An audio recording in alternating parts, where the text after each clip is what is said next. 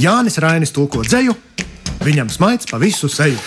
Cienījamie lasītāji, Etīdes par literatūru. tulkojumi, analīze, pārunas, lasījumi, viss ļoti daudz burtu Kopā ar dzinieku Tomu Trēbergu. ar dzinieku Tomu Trēbergu. paga un rakstnieku Svenu Kusminu. Trešdienās 15.35. LR1. Labdien, cienījamie lasītāji! Sveicināti! Pēcpusdiena klāt, un šis saliktenis jau arī nozīmē ne tikai dienas laiku, bet arī pusdienu laiku. Sven, kāda ir bijusi pati sarežģītākā recepte, ko tu esi realizējis, lai pagatavotu pusdienas, nu vai vakariņas? Ugh, tas ir sarežģīts jautājums. Sarežģītākā dažādu komponentu ziņā, komponentu daudzveidības ziņā. Nu, liekam, tad gan komponentu daudzveidību, gan pagatavošanas sarežģītību. Nu, vislielākā ņemšanās ir bijusi ar Napoleona torti. Nē, nopietni. Jā, Tu taisīji? es eh, vairāk kārt pat Kad runāja par Napoleona tortēm, tur bija tas stāsts par to, ka pilsētu bērni domā, ka biezpienas nāk no biezpienu maizītēm. Un, nu, zini šo joku. Jā, jā. Un, um, tad man arī liekas, ka Napoleona torts ir kaut kur kaut kāds raktuves, nezinu, tā kā karjeras, kur tu vienkārši izcēli. Grūti iedomāties, ka viņi vispār var uztaisīt. Man kā šķiet diezgan ironiski, ka tur lūk, iekaro tur pusi zemeslodes, un tad tas, ko tu iegūsti par to, ir tas, ka tavā vārdā nosauc torti. Bet katrā ziņā es eh, cepu, un tā bija briesmīga ņemšanās, lai gan nu, sastāvdaļu ziņā jau nekā tur tāda sarežģīta nav. Nu, tu biji apmierināts ar veikumu Nu, es katrā ziņā biju, jā. un ēdēji. Nu, man šķiet, ka arī nu, tur viss diezgan jēdzīgs. vai arī viss bija pieklājīgi un neko sliktu tev neteica? Nu, vai arī viņi bija ļoti labi audzināti. Jā. Nē, nu, tur jau nekas tāds baigi nevar nesanākt. Tur patiešām nepārvārīt krēmu. Lūk, kas tev ir tādi vis, vissarežģītākie eksperimenti bijuši? Nu, man ir vissarežģītākais eksperiments bijis lielopa vaigi sarkanvīnā. Es cerēju, ka tu to nosauksi. Es biju ciemos tajā reizē. Nu, redzi, Tas tiešām bija kaut kas neticami sarežģīts. viņi taču ākstās. Uh, Tas taču ir viss, ar ko viņi nodarbojas. šie gastronomiskie jautājumi neparvelti, neparvelti, jo pagājušajā raidījumā mēs sarunājāmies ar tulkotāju Zani Rozenbergu, un grāmata, kuru viņa mums ieteica, kā noteikti aplūkojamu mūsu raidījumā, bija Marka Krika grāmata Kafkas zupa. Jeb izsmeļoša pasaules literatūras vēsture 14 recepšu formā. Šis darbs ir ieturēts literārās parodijas žanrā. Jā, parodija. Mums šodien ir literārās parodijas žanrs. Parodija ir ne tik ļoti par pavāru grāmatas žanru, cik par dažādu autoru rakstības un vēstījumu stilu, kā jau droši vien var noprast no virsraksta, kas ir ieturēts šīs receptes rāmjos. Marks Kriks ir izvēlējies absolūti brīnišķīgus, tādus ļoti spilgtus autorus, kurus šajās receptēs sadarinātu.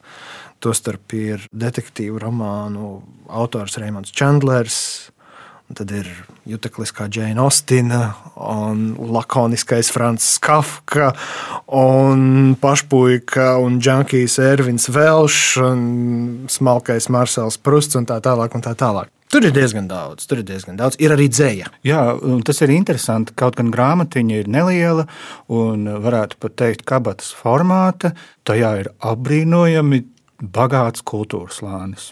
Un arī tā lasīšana nemaz nebija tā, ka tur žing, žing, no vāka līdz vākam gatavs. Tāpēc, ka šo autoru individuālais stils un tā izteiksmes dažādība tomēr pieprasīja arī veltīt tādu ilgāku laiku, nekā varbūt, ja tas būtu tāds viena autora vēstījums. Tu zini, es biju, jā, tas ir interesanti. Tas ir tāds um, gandrīz vai aktierisks uzdevums. Protams, ka tas ir arī literārs eksperiments un tam līdzīgi, bet tur ir kaut kas no Staņislavska metodes.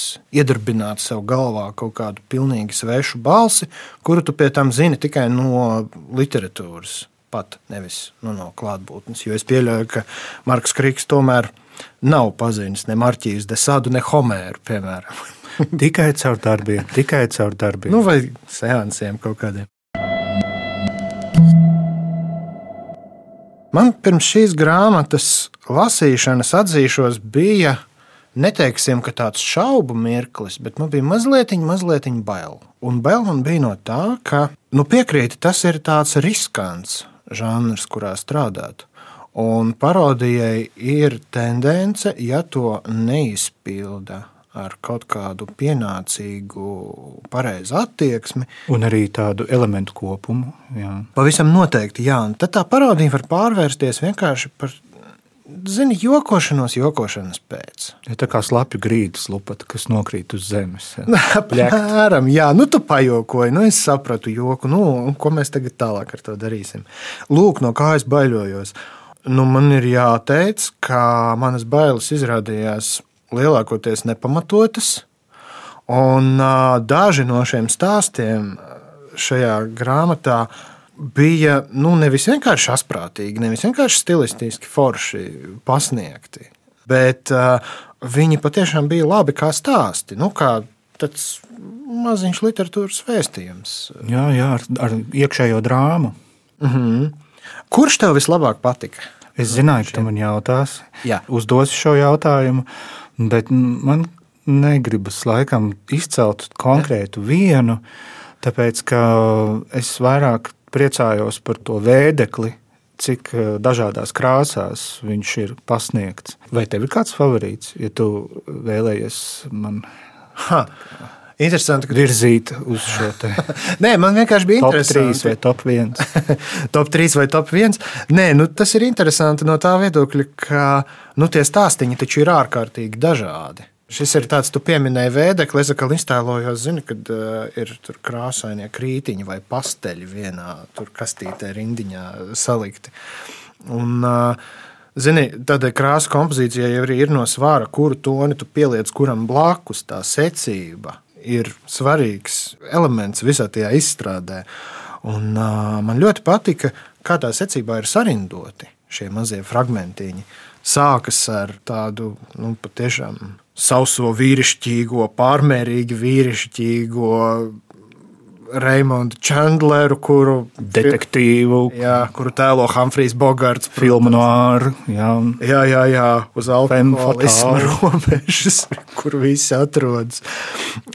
Un turpat blakus ir Džēna Ostina. Nu, viņš ir tādu baigo kontrastu uzbūvējis. Man patīk tas, ka tas absurda līmenis tiek kāpināts. Viņš eh, sākas diezgan vienkārši, bet ar katru nākamo stāstu viņš kļūst aizvien. Nu, tas joks kaut kā apaug pats ar sevi slāni pa slānim un kļūst tāds nu, par kaut ko vairāk nekā tikai joks. Pāris vārdus par pašu autoru.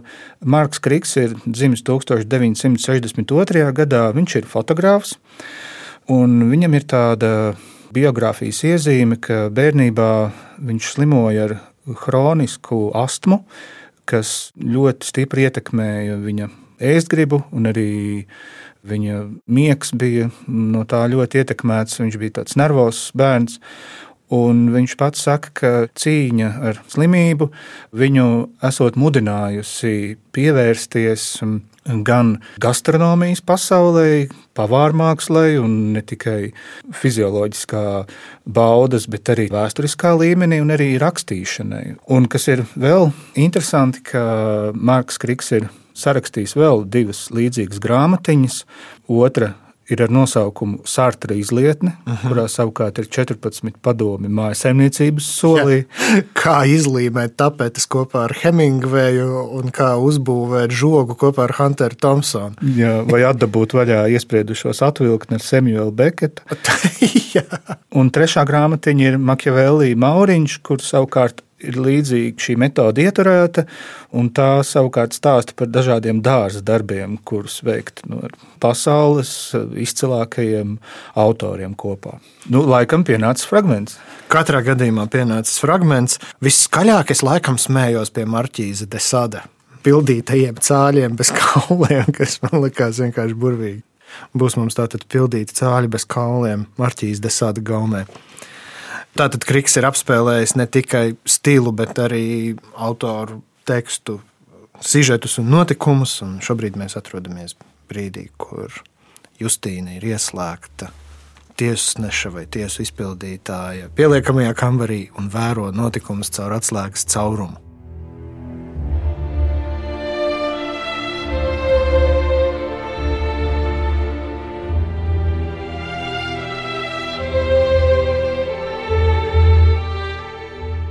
Pamanījusi atslēgas caurumu, es noliecos un ieskatījos tajā.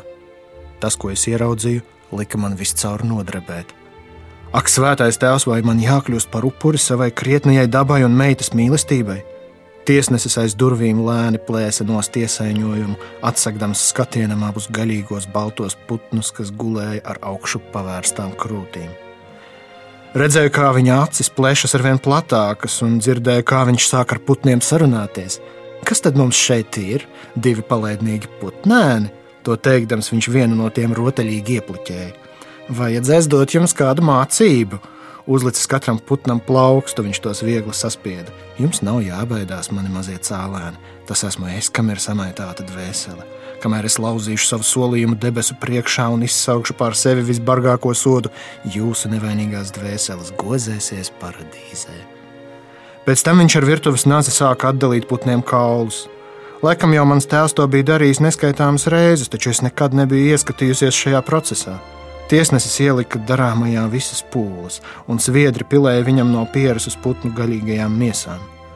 Šis darbs prasīja krietnu laiku. Viņš svīda un stenēja, un ielika tajā lielus pūliņus un tādu valodu, kādu es, lūdzami atvainojiet, neapņemos atkārtot nevienu vārdu no šīs atbaidošās runas straumes.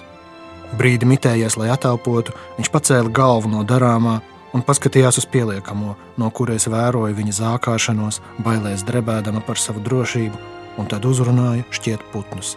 Nu tā, mani cālēni, kauliņi jums tagad ir godami izgraizīti, bet mēs varam darīt vēl daudz vairāk. Un ko jūs teiktu par krietnu pildījumu? Un viņš paņēma sviesta paciņu, iemeta gabalu pannā, lai tas izkustu uz mazas uguns, bet pats nelietis tikmēr sīki sagraizīja lielu sīpolu.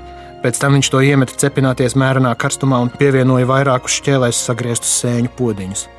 Es raudzījos, kā viņš kapā pētersīļu sēšņi, un ēdienas marža, kas ieplūda pārslēgas caurumu, atgādināja man, ka neesmu ēdusi kopš brokastu laika, un lika uz brīdi aizmirst manu sarežģīto stāvokli.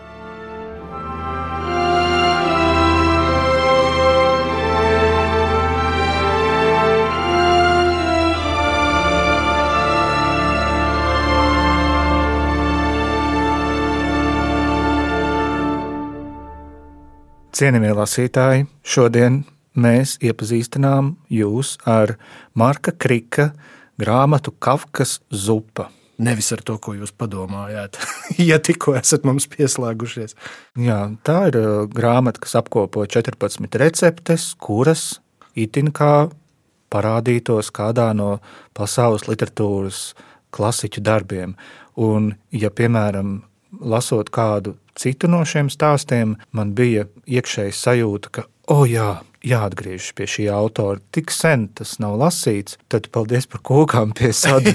Ne, es pat nevaru teikt, ka es pie viņa atgrieztos, jo es pie viņa nekad neesmu ciemojies. Es domāju, ka nu, šajā sarežģītajā stāvoklī es galīgi negribētu viesoties. Viņš sagrieza nelietas sīpoli.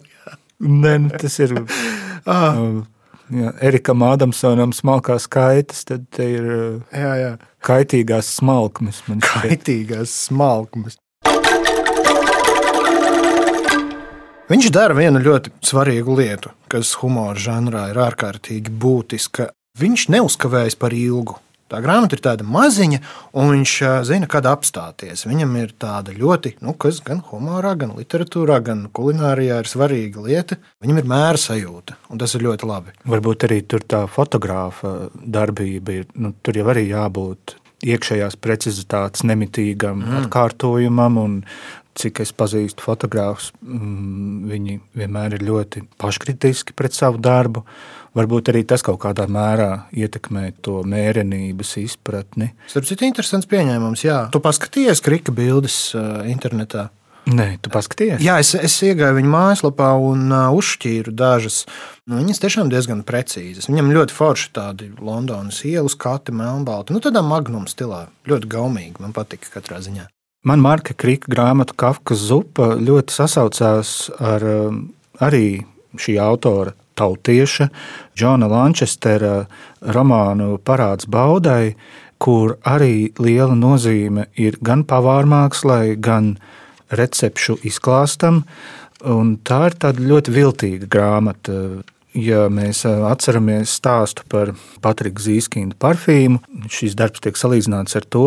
Te ievadā Džons Lančesters arī ieskicē, manuprāt, tādu veiksmīgu skatu punktu, kā mēs varam padomāt par pavāru grāmatām no kaut kāda cita rakursa, ne tikai kā par uzziņu literatūru.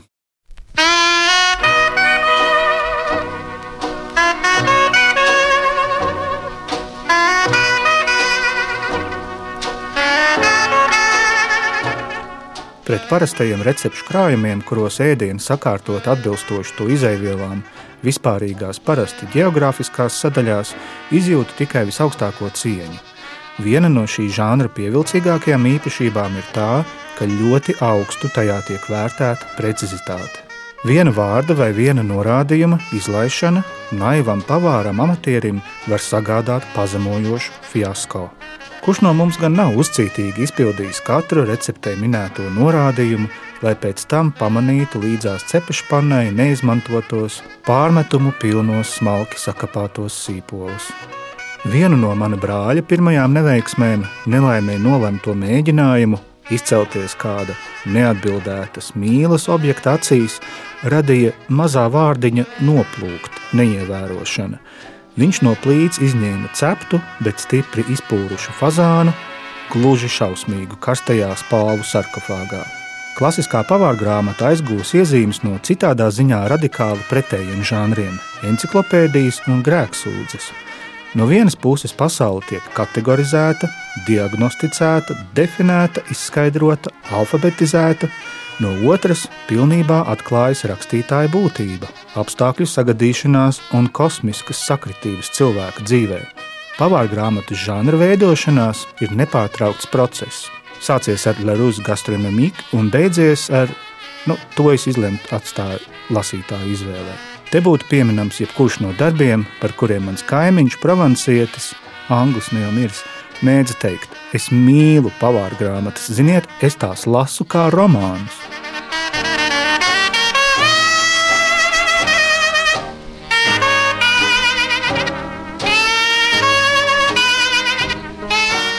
Nu, Borges, kurš šajā grāmatā Kafkas zupa arī ir atveidots, bērnībā esot gājis uz bibliotekām lasīt encyklopēdijas, tādēļ, ka tā māksla no encyklopēdijas sastādīšanas, diemžēl, laikam ir zudusi mūsu, mūsu laikmetā, kur agrāk encyklopēdiju šķirkļi arī bija tā tādi stāstiņi, nu, sarakstīti literārā valodā. Un, jā, kādu, jā. Nu, viņš pats savos stāstos. Atcerēsimies kaut vai veco stenderu. Jā. Un augstas gudrības grāmata.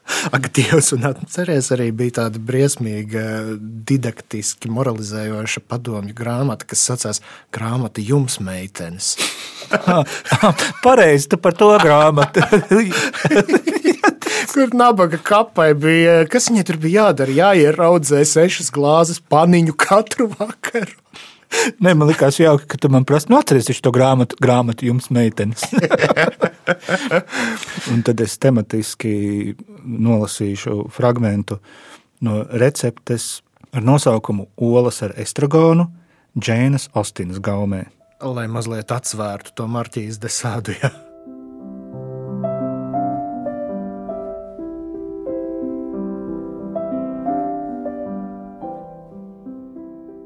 Vispār zināma patiesība vēsta, ka pārlieku ilgi glabātas olas mēdz izputēt. Auklijas saimniecības olas tikai nesen bija nonākušas Somerkotas virtuvē, taču Misis bija jau plānoja maltīti, kas iepazīstinātu tās ar apkārtnes iedzīvotājiem un cerams noslēgtos ar visaptverošu atzinību. Daba viņas rīcībā esošās olas bija dāsni apveltījusi ar spēju izraisīt vispārējas simpātijas, un viņa cerēja, ka vismaz pusducis no tām nākamajā nedēļā spēs piesaistīt atbilstošus partnerus. Jauna iedzīvotāja ierašanās draudzē piedāvāja teicamu izdevību šādam pasākumam, un Mrs. B. nevilcinādamās to izmantot, izsūtīja ielūgumus uz pusdienām. Kopā ar kaimiņieni Lēdiju Kamberlendu viņa bija aizvadījusi daudzas stundas apspriežot dažu ēdienu teicamās īpašības salīdzinājumā ar citiem. Abas dāmas ar apbrīnojamu uzmanību apcerēja tējas priekšrocības salīdzinājumā ar kafiju un prātoja, vai grauzdiņiem jābūt baltiem vai brūniem, un par šiem tematiem Lēdija Kamberlenda pauda savus uzskatus tik pārliecinoši, ka Mrs. B. neuzdrīkstējās tos apstrīdēt. Lēdija Kamberlenda nebija jauno laiku pavāra mākslas piekritēja un nosodīja pirmkārt miglainas izcelsmes sastāvdaļu nepelnītu cildināšanu, un otrkārt pavāru iecelšanu tādos slavas augstumos, par kādiem to tēvu un vectēvi nebija uzdrīkstējušies pat sapņot. Apņēmusies ziedot pūliņus uz piedienības altāra, Mrs. bija piekrita, ka ēdiens jāgatavo pēc tradicionālas receptes.